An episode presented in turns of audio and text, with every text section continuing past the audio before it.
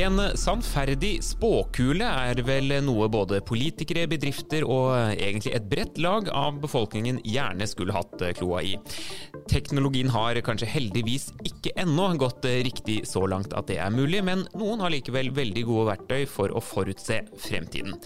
En av dem er Camilla Teffers, partner i InFuture, og hun er gjest i Innepodden i dag. Velkommen til oss, Camilla. Tusen takk for det. Tusen takk for invitasjonen. Kjempegøy å være her.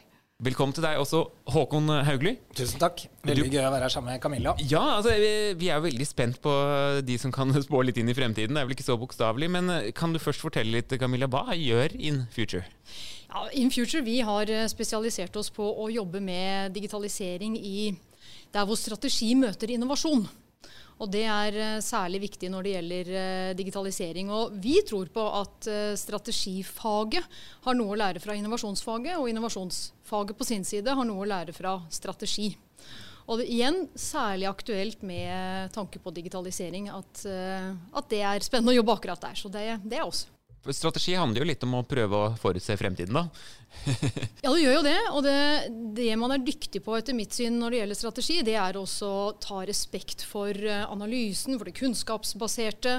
Eh, lave, gode forretningsmodeller. Så det er man lang trening i strategifag. Og det er kanskje særlig viktig når vi ser at digitalisering egentlig bidrar til å dra ned lønnsomheten i snitt eh, på forretningsmodellene. Hvem, hvem er det dere hjelper, da, i stor grad? Ja, det er uh, norske virksomheter i uh, overvekt private, uh, større, mellomstore virksomheter.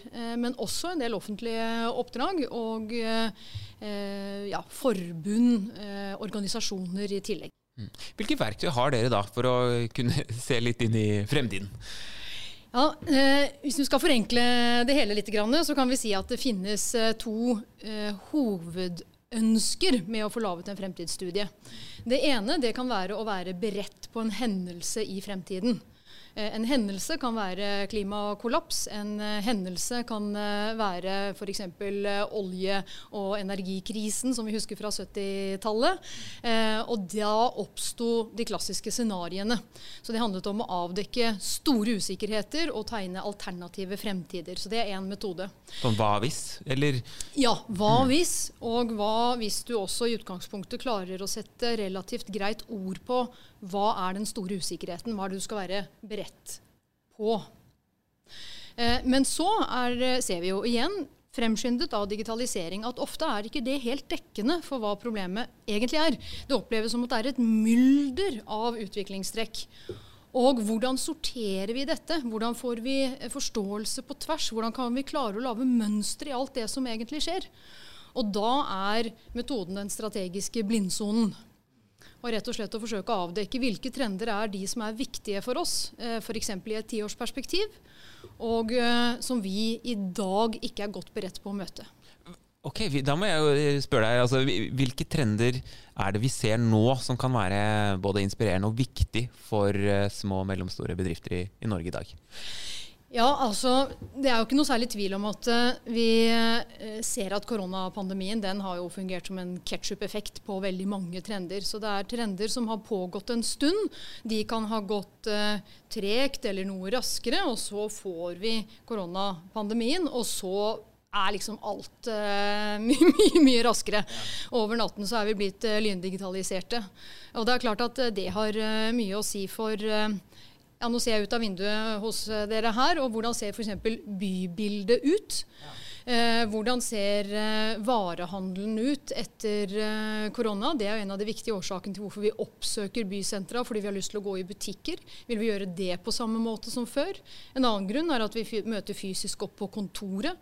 Vil vi gjøre det på samme måte som før? En tredje grunn er at vi oppsøker kulturaktiviteter. Vil vi gjøre det på samme måte som før?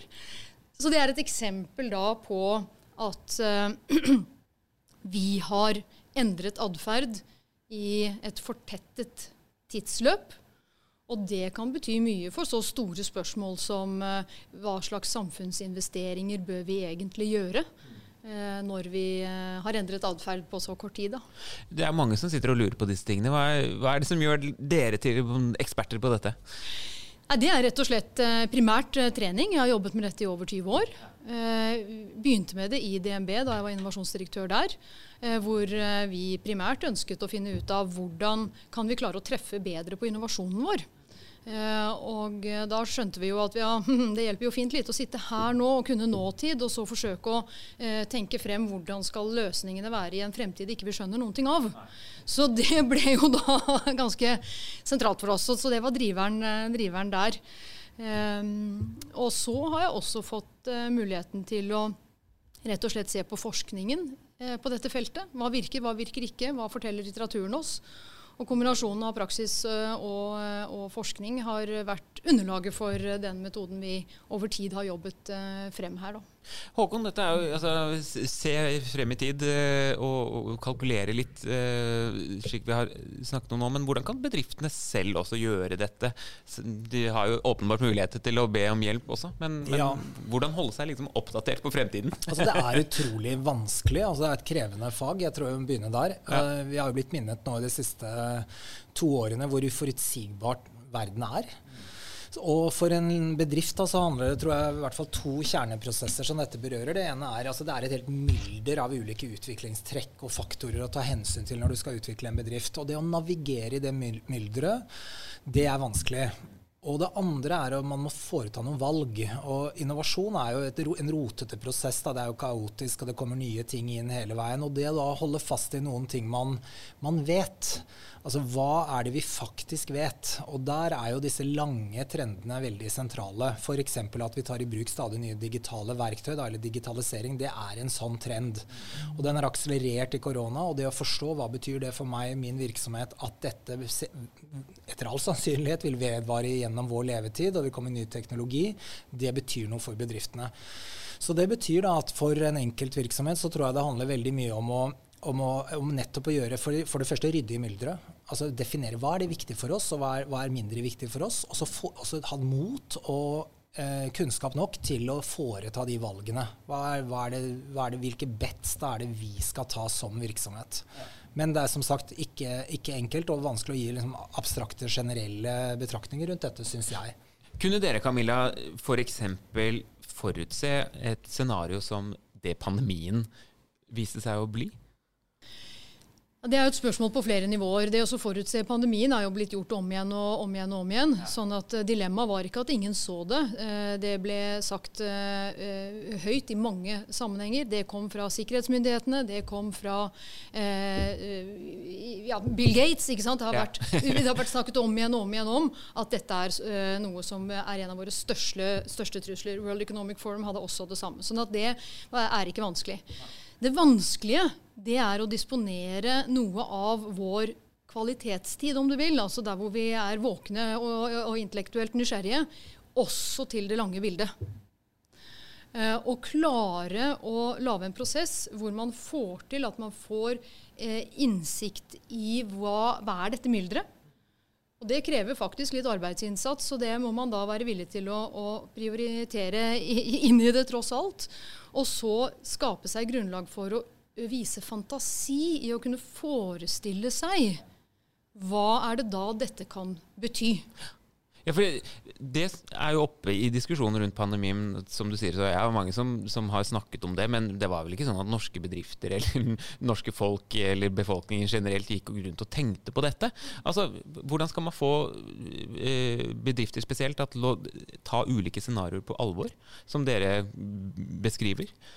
Jeg tror at det er eh, om å gjøre å eh, lage en måte å jobbe på som faktisk gir konkrete og handlingsutløsende resultater. Eh, for man kan være generelt intellektuelt nysgjerrig, men jeg tror det er veldig vanskelig å nå igjennom i konsernledelser og i norske styrer med en 'la oss ha en spennende, kreativ prosess', dere, og så får vi si at det kanskje blir sånn eller kanskje blir sånn. Vi er ikke så sikre, vi, men vi hadde det i hvert fall veldig inspirerende om vi holdt på. Det kan man liksom heie frem, at det kan være spennende å få lov til å være med på. Men når vi skal være edruelige på hvordan hverdagen faktisk er der, hva vi har av stramme hverdager alle sammen, så må prosessen være slik at det utløser noe konkret. Og det baserer seg, tror jeg, på at eh, du skal eh, få ny innsikt. Hvis du ikke får ny innsikt gjennom prosessen, så har den ikke vært verdt det. Og så skal den være forankret tross alt i det som er virksomhetens overordnede strategi. Hva er det vi faktisk holder på med her eh, hos oss? Våken og nysgjerrig, og i tillegg nysgjerrige sammen. Og her ligger også en, et hinder, tenker jeg. da, Det er det at hvordan i et regime med kvartalsrapportering da, for et børsnotert selskap, eller også i politikken, da, et neste statsbudsjett om et år. Hvordan har blikket på det langsiktige? Og det våger en påstand her, og bare undrende til Camilla. Da. Man kan kanskje tenke seg at det er i det lange bildet de virkelig store mulighetene og virkelig store truslene ligger, hvis vi tenker en SWAT. da. Mens de får minst oppmerksomhet, og det meste av oppmerksomheten går til det korte, hvor mulighetene er mindre, og truslene mindre. Mm. Er du enig i den beskrivelsen? Ja, jeg er helt enig i den beskrivelsen der. Hvordan kan man snu det, da? Ja, og Det er jo et kjempe, eh, kjempestort eh, problem. Hvordan kan man klare å snu det? Og Jeg tror at man må bruke flere tangenter. Jeg mm. tror på å kombinere tre ting. Det ene er det analytiske, som jeg har snakket litt om. Så er det det kreative. Og så er det rett og slett også det intuitive. Um, og det kan man gjøre gjennom for det første å rett og slett igjen lage et godt analyseprodukt. Det skal gi ny innsikt. For det andre ha en involverende prosess hvor de som deltar, får lov å være med og evaluere trendene. Og eh, her kan vi bruke noe som eh, kalles massenes visdom, som jeg gjerne kan snakke mye og lenge om. Og så ser jeg på det at det får jeg ikke lov til, så da gjør jeg ikke det. Men veldig kort så handler det om at en gruppe uavhengige personer eh, gir mye bedre evalueringer av store usikkerheter, som fremtiden er, enn en liten gruppe eksperter gjør. Så Det er en voldsom kraft, og det går på det intuitive. Og det intuitive det er vår samlede erfaring. Det er egentlig det som ligger i vår intuisjon. Den trenes opp over tid. Og så er det det kreative og det å bruke historiefortelling. Veldig gjerne menneskenære historier. F.eks. historien om hvordan kundeopplevelsen for vårt selskap blir annerledes i 2030, når vi har tatt ut, når trendene vi har beskrevet har blitt realisert, og vi har tatt ut noen av ideene våre eh, til innovasjon overfor denne kunden. Og når du bruker det, så snakker du til eh, emosjonene våre. Det blir en mer inkluderende måte å kommunisere på enn bare statistikk og analyser uh, gjør. Vi kan kjenne på oss selv om vi tror på denne fremtiden. Er den attraktiv for oss? Vil vi begynne å jobbe med dette? Og det bidrar til å dempe litt et tematikk som Håkon og jeg har vært opptatt av, dette smerten først-problemet. Uh, altså at uh, det gjør vondt med innovasjonen først, og så kommer gevinsten etterpå. Og dette etterpå trenger vi å få en god nok historie i for, å, sant, for mm. å tåle det som kommer på kort sikt. Da. Vi er jo veldig gode til å snakke om muligheter i fremtiden. Det er jo sånn sjargong som både politikere og næringslivet og alle egentlig bruker. Men er vi gode nok til å snakke om, om hva som truer oss, og, og, hva som er sånn skummelt ved fremtiden også? Adresserer vi det godt nok? Og hva tenker du er, er det som vi bør være litt bekymret for, da? Nei, altså, Det er jo, eh, det kom jo ny eh, perspektivmelding nå. Ja. og Da var det et uh, sylkort lite opplegg på det. Og så går man Nå har jeg kanskje overdrevet bitte litt, men så går man jo tilbake da til å diskutere hva som kan skje på, på kort sikt. Og det er definitivt et problem, særlig når vi så på hvordan perspektivmeldingen ble presentert. Så ble den presentert slik at dersom vi tar det på alvor nå, så kan dette gå bra. Hvis vi tar det litt på alvor, men ikke så veldig, så går det dårligere, men OK. Hvis vi utsetter hele greia, så går det ordentlig dårlig. Så da er det jo veldig dumt at vi ikke har mekanismer da for å, å gjøre det. Og da er det jo et iboende dilemma rundt dette med politikken, altså, som blir belønnet av velgere, av borgere, av media, av uh, partiapparater til å løse dagens problemstillinger og være ekstra sinte på hverandre på motsatt side av politikken. Enten det er godt eller uh, bra det som gjøres, så skal det i hvert fall rives fra hverandre. Da. Så vi bygger ikke i tilstrekkelig grad på hverandre, Nei. kanskje. Er du enig i det, Håkon? Ja, absolutt. Um, og så er det noe utrolig viktig Camilla sier om dette jeg kaller det fokalpunktet, eller horisontblikket. da, altså Vår evne til å ikke bare tåle smerte, men motiveres, begeistres av det, det, fremtidsbildet, forutsatt at vi tror på det. Og da er vi sånn tilbake til hvilket datagrunnlag, hvilke fakta hvilken, er det vi baserer det på. Og jeg syns det er spennende med den modellen. Og en observasjon som også er et dilemma, da, det er at veldig mye av det vi har av kunnskap, den er tilbakeskuende. Altså Vi styrer mye i bakspeilet, da, fordi vi tenker at fordi de, det har vært slik og slik, så tenker vi at da vil, kan fremskrivningen bli en annen variant av det vi allerede har sett. Og så er det disse brå kastene. Og i de ligger det masse muligheter, men også åpenbare utfordringer, da, som vi ser akkurat nå. Hvordan sørger vi for at vi er berettet til å håndtere de brå kastene, i tillegg til kunnskapsgrunnlaget vi allerede har? Og dette er mer et spørsmål, men jeg tror veldig mange virksomheter både fikk enorme muligheter i koronasituasjonen, og andre så livsverket kollapse. Og kanskje fellesnevneren mellom de to gruppene er at ingen av dem var spesielt godt forberedt på at det skulle skje. det, var, det har vært veldig hyggelig å se litt inn i fremtiden eh, sammen med eh, dere to. Så får vi jo se rett og slett hva den bringer. Kan vi høre tilbake på denne episoden og se om eh, vi fikk rett i det. Tusen takk Camilla for at du kom til oss, og tusen takk også til deg, Håkon Haugli.